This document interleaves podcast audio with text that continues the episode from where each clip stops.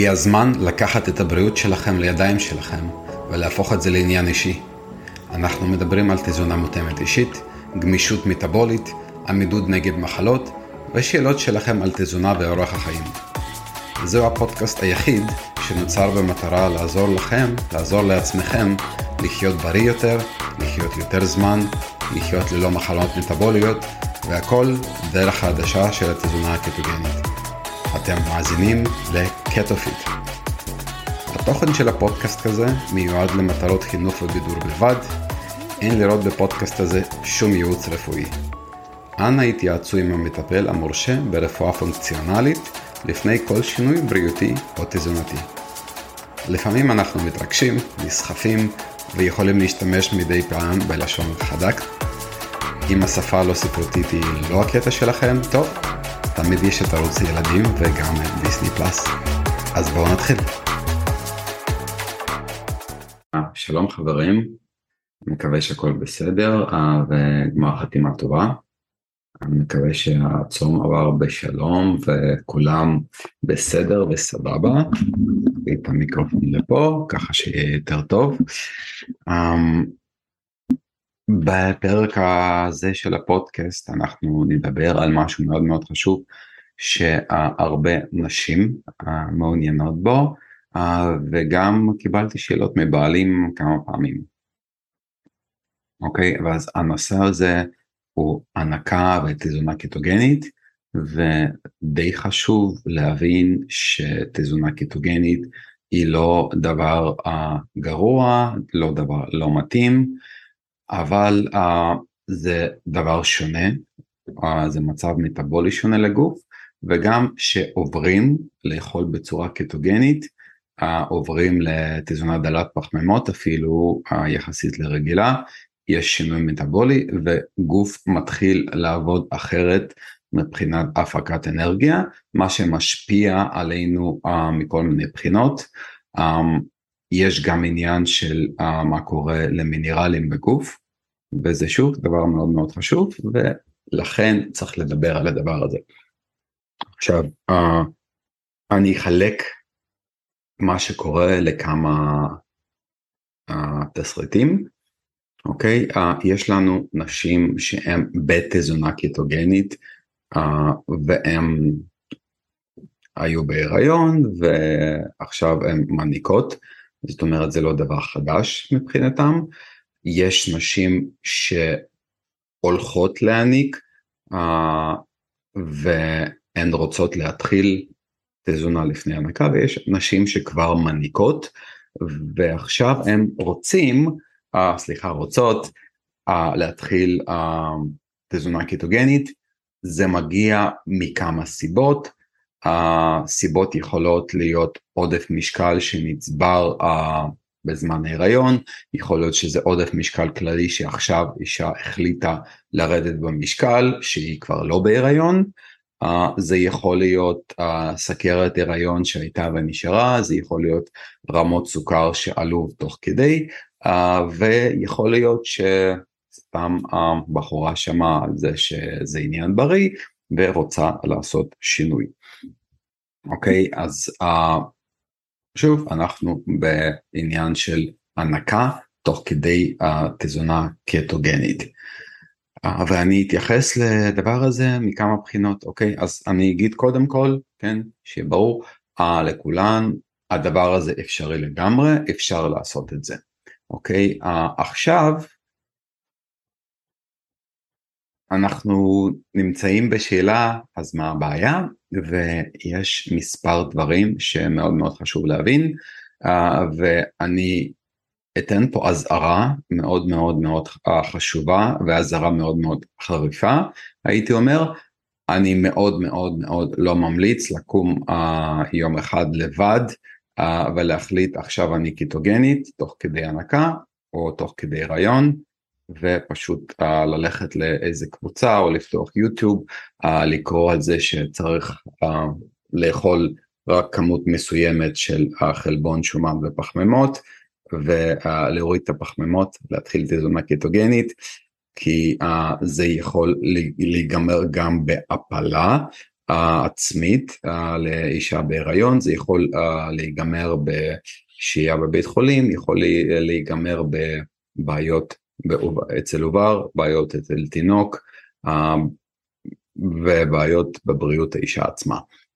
אוקיי, אז אנחנו לא רוצים להגיע למצב שמישהי קמה ופשוט עושה את זה. אוקיי, אני ממש ממש אזהיר. שאם רוצים לעשות את זה צריך לעבוד עם מישהו שמבין בזה שעשה um, אני שונא מילה ליווי היא מאוד מאוד פופולרית בישראל אבל ליווי זה uh, לא משהו אמיתי um, אוקיי uh, ליווי זה שמישהו פשוט עוזר איכשהו עם התזונה או משהו אני לא מלווה אני תזונאי ושוב אני מציע שלא תעשו שום דבר בלי לעבוד עם תזונאי או דיאטן או רופאה שמכירים את זה. כמובן פה כן צריך ליווי ואני אדבר על כמה דברים. אז קודם כל נגיע למצב והבנה שלא עוברים פתאום לתזונה קיטוגנית אם אתם בהיריון או בהנקה. ועכשיו נדבר על למה. אוקיי? אנחנו נדבר על כמה דברים שהם חשובים מאוד. ו... נתחיל לדבר עליהם, אוקיי? אז דבר ראשון, קלוריות, כן? אותן קלוריות שלא סופרים בתזונה קיטוגנית, מי שהיה uh, בכל מיני קבוצות פייסבוק והקשיב לכל מיני אנשים uh, שלא מבינים שום דבר בעניין, סליחה על החריפות, אוקיי, קלוריות. עכשיו, אישה שהיא מניקה, uh, היא בעצם מספקת אנרגיה, קלוריות, נוטריאנטים, מינרלים, אוכל לתינוק, אוקיי? אז uh, אנחנו כן חייבים להסכים שאישה שמניקה צריכה לצרוך יותר אנרגיה לעצמה, כי היא מייצרת בעצם אוכל, כי היא בעצם מין uh, מפעל קטן לחלב, לאוכל לתינוק. מה זה אומר? שאנחנו לא יכולים לצרוך כמות קלוריות רגילה וכן שוב נחזור לעניין הקלורי כן מי שמכיר מי ששמע אותי לפני מאזן קלורי חשוב מאוד uh, ואם אנחנו במאזן קלורי סטנדרט זאת אומרת לא ימינה לא שמאלה אנחנו שומרים על המשקל אם אנחנו במאזן קלורי שלילי אנחנו יורדים במשקל אם אנחנו במאזן קלור, uh, קלורי חיובי אנחנו נעלה במשקל. עכשיו uh, בדרך כלל אנשים שנכנסים לתזונה קיטוגנית מתחילים את זה מסיבה אחת וסיבה הזאת היא לרדת במשקל. אז אנחנו רואים אוטומטית שיש לנו אישה שהיא המניקה היא צריכה uh, לתת לתינוק כמות מסוימת של קלוריות מהאוכל uh, ועכשיו היא מחליטה שהיא רוצה לרדת במשקל אז uh, לא משנה תזונה קיטוגנית או לא, כן? זה אומר שהיא הולכת להיכנס לגירעון קלורי והיא הולכת לצרוך פחות אוכל אם היא רוצה לרדת במשקל. כמובן, כן, אם היא תתחיל לעשות תזונה כלשהי גם קיטוגנית ללא גירעון קלורי, היא לא תרד במשקל. Uh, אנחנו מדברים על הבדל קלורי, התינוק שגודל צורך יותר ויותר קלוריות ביום ואישה בריאה תייצר יותר יותר ויותר חלב בהתאם אם היא אוכלת מספיק, אוקיי? Uh, ולכן חשוב מאוד שאישה שעושה uh, תזונה כלשהי שהיא בעצם מנסה לרדת במשקל היא דווקא לא תאכל uh, בגירעון קלורי אבל אם היא רוצה לרדת במשקל היא גם לא יכולה לאכול בעודף קלורי. ולכן אנחנו צריכים לשים אישה כזאת במאזן קלורי מצב שבו ללא הנקה היא לא הייתה יורדת במשקל אבל עם הנקה היא כן הולכת לרדת במשקל אוקיי למה כי חלק מהקלוריות די ניכר שהיא צורחת היא מעבירה לתינוק יום יום, אוקיי? אז אנחנו צריכים להגדיל את הכמות האוכל יחסית uh, לאדם שרוצה לרדת במשקל. Um, עכשיו, בנוסף לקלוריות יש את העניין של ערכים תזונתיים, יש מינרלים, יש ויטמינים שאנחנו צריכים במינימום ביום, uh, גם נשים, גם גברים, גם תינוקות, uh, כדי להתקיים בצורה בריאה כדי uh, לגדול, כדי שכל המערכות יתפקדו, ותינוק מקבל את כל הדברים האלה מהאישה דרך החלב, ולכן חשוב מאוד שתזונה של אישה תהיה ללא חוסרים. אוקיי, okay, חשוב uh, לזכור שגם תזונה רגילה מערבית יש בה מלא חוסרים כי אנשים צורכים אוכל מעובד, כשאנחנו עוברים לאכול תזונה שהיא uh, מוגבלת, uh, כן, uh, נגיד בתזונה קיטוגנית אדם יאכל פחות מפחמימות uh, ומאוכל מעובד זה בא בדרך כלל עם הירידה במינרלים וויטמינים, כן, uh, ולכן אותו אדם עלול להעביר לתינוק פחות מינרלים וויטמינים, אוקיי? ולכן צריך להבין שזה לא רק קלוריות, זה גם אוכל שחייב להיות מזין בשביל שהתינוק יקבל את כל הדברים האלה.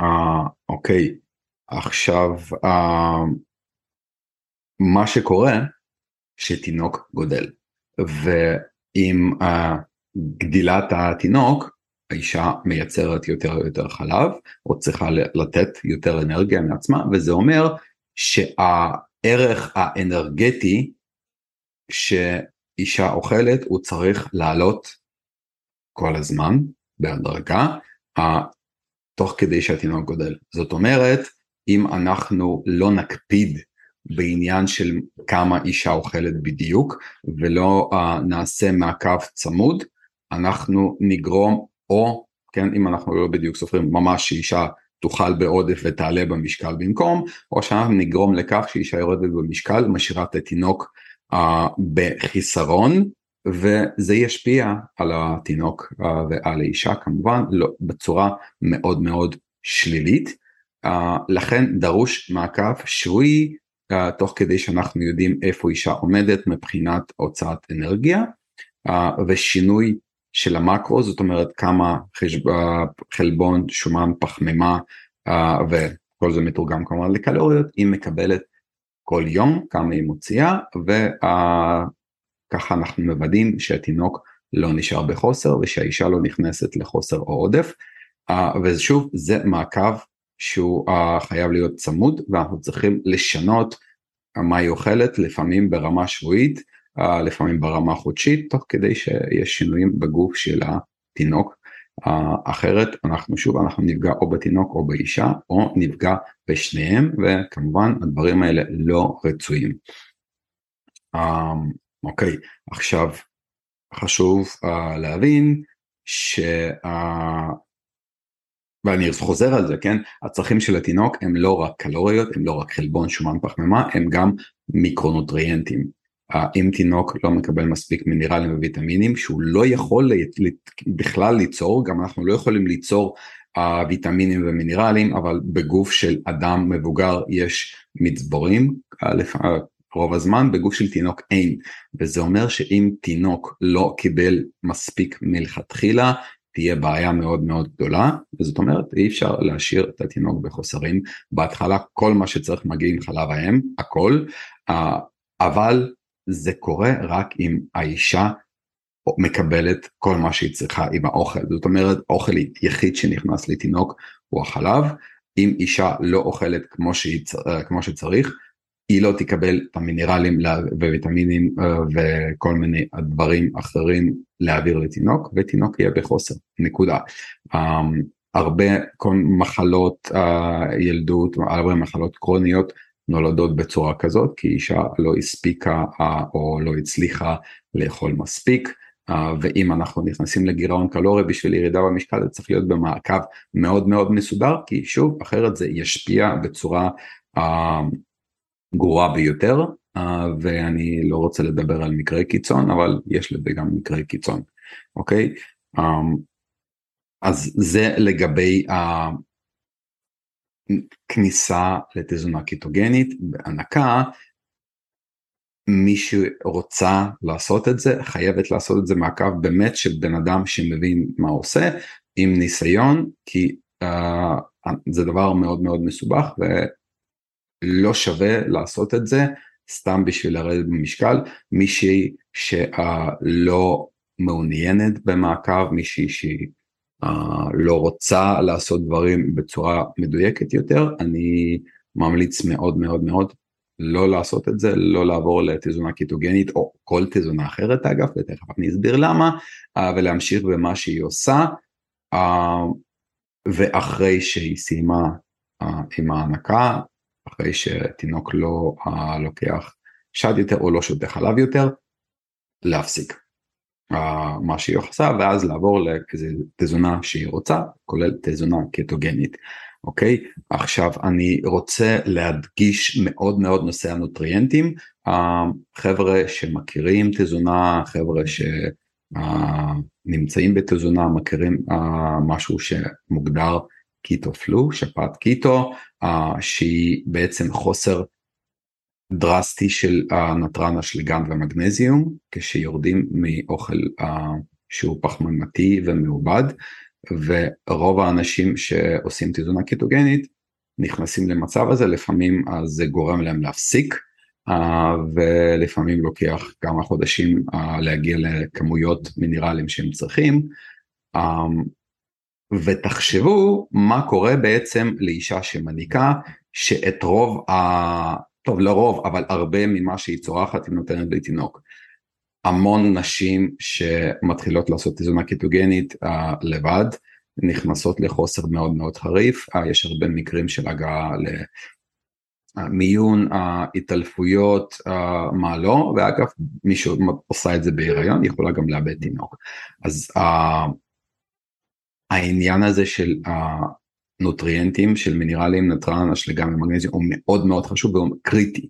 זאת אומרת זה לא עניין של האם יהיה לי חלב או האם התינוק יגדל טוב מספיק, זה עניין של ממש ממש החיים והבטיחות שלך ולתינוק, כי אם לך חסר, גם יהיה חסר לתינוק, כל מיני כאבי ראש ו cravings והתעלפויות וחוסר אנרגיה, זה לא משהו שאפשר לעבור עליו בקלות או משהו בכלל אנחנו רוצים להגיע אה, ונזכור שתינוק גודל אז הצרכים מהגוף של אישה אה, עולים ולכן שוב הדבר הזה הוא מאוד מאוד מסובך הוא מאוד מאוד מדויק ואני מאוד מאוד לא מציע לעשות את זה ללא מעקב המאוד מאוד צמוד או ליווי כמו שאומרים. אוקיי? דבר um, בעצם אחרון שחשוב לי להגיד um, כל מה שאמרתי הוא כללי ומתייחס להתחלה של תזונה קיטוגנית לפני או, או תוך כדי הנקה, אבל יש עוד עניין מאוד מאוד מאוד חשוב שאנשים uh, יכולים לפספס, uh, זה התחלה תוך כדי תינוק מפתח טעם ותינוק מקבל מרקם וטעם של חלב מאוד מאוד מסוימים, אוקיי? והוא רגיל מזה מגיל אפס תכלס, אם התזונה משתנה, טעם של חלב ישתנה. ויכול להיות הוא ישתנה בצורה מאוד מאוד מאוד דרסטית, והרבה פעמים זה יגרום לתינוק פשוט להפסיק uh, ליצור חלב, רק בגלל שטעם של חלב האם השתנה. Uh, כמובן זה ספציפית לא קריטי ואפשר להעביר תינוק לתזונה אחרת, אבל אבל כמובן שחשוב מאוד להבין את העניין הזה ולהימנע משינוי כזה uh, תוך כדי הנקה אם אתם באמת באמת uh, רוצים שהתינוק ימשיך לצרוף חלב היום. אוקיי אז um, אני מקווה שזה עזר אני מקווה שזה עונה על שאלות uh, מי ש... רוצה לשאול, אנחנו תמיד מקבלים שאלות, אתם יכולים uh, לכתוב מיילים דרך האתר, אתם יכולים להשאיר הודעות בקבוצת הפייסבוק שלנו, uh, ויש קישור uh, ב description של הפודקאסט איך להתחבר אלינו, אנחנו מאוד מאוד מאוד נשמח לענות על כל שאלה. ומישהי uh, שרוצה עזרה, מישהי שבאמת רוצה לעבור לתזונה קטוגנית והיא הולכת להניק או היא בהיריון uh, או היא uh, באמצע הנקה והיא ממש רוצה לעשות את הדבר הזה, אנחנו עושים קואוצ'ינג ואנחנו עושים ליווי והסבר וכל מה שקשור לדבר הזה, אנחנו עושים מעקב צמוד ברמה יומית ללקוחות שמניקות ואנחנו משנים תוכנית אכילה שלהן לפי שינויים שעובר התינוק והגוף של האישה תוך כדי הנקה. מי שמעוניין אתם יכולים לפנות וכמובן אנחנו נעזור. ובזה אנחנו נסיים הפעם חברים המון המון תודה על ההקשבה שיהיה ערב או בוקר או יום מדהימים שנה טובה מאוד מאוד מוצלחת והעיקר בריאה אנחנו נתראה בקרוב लिखा था।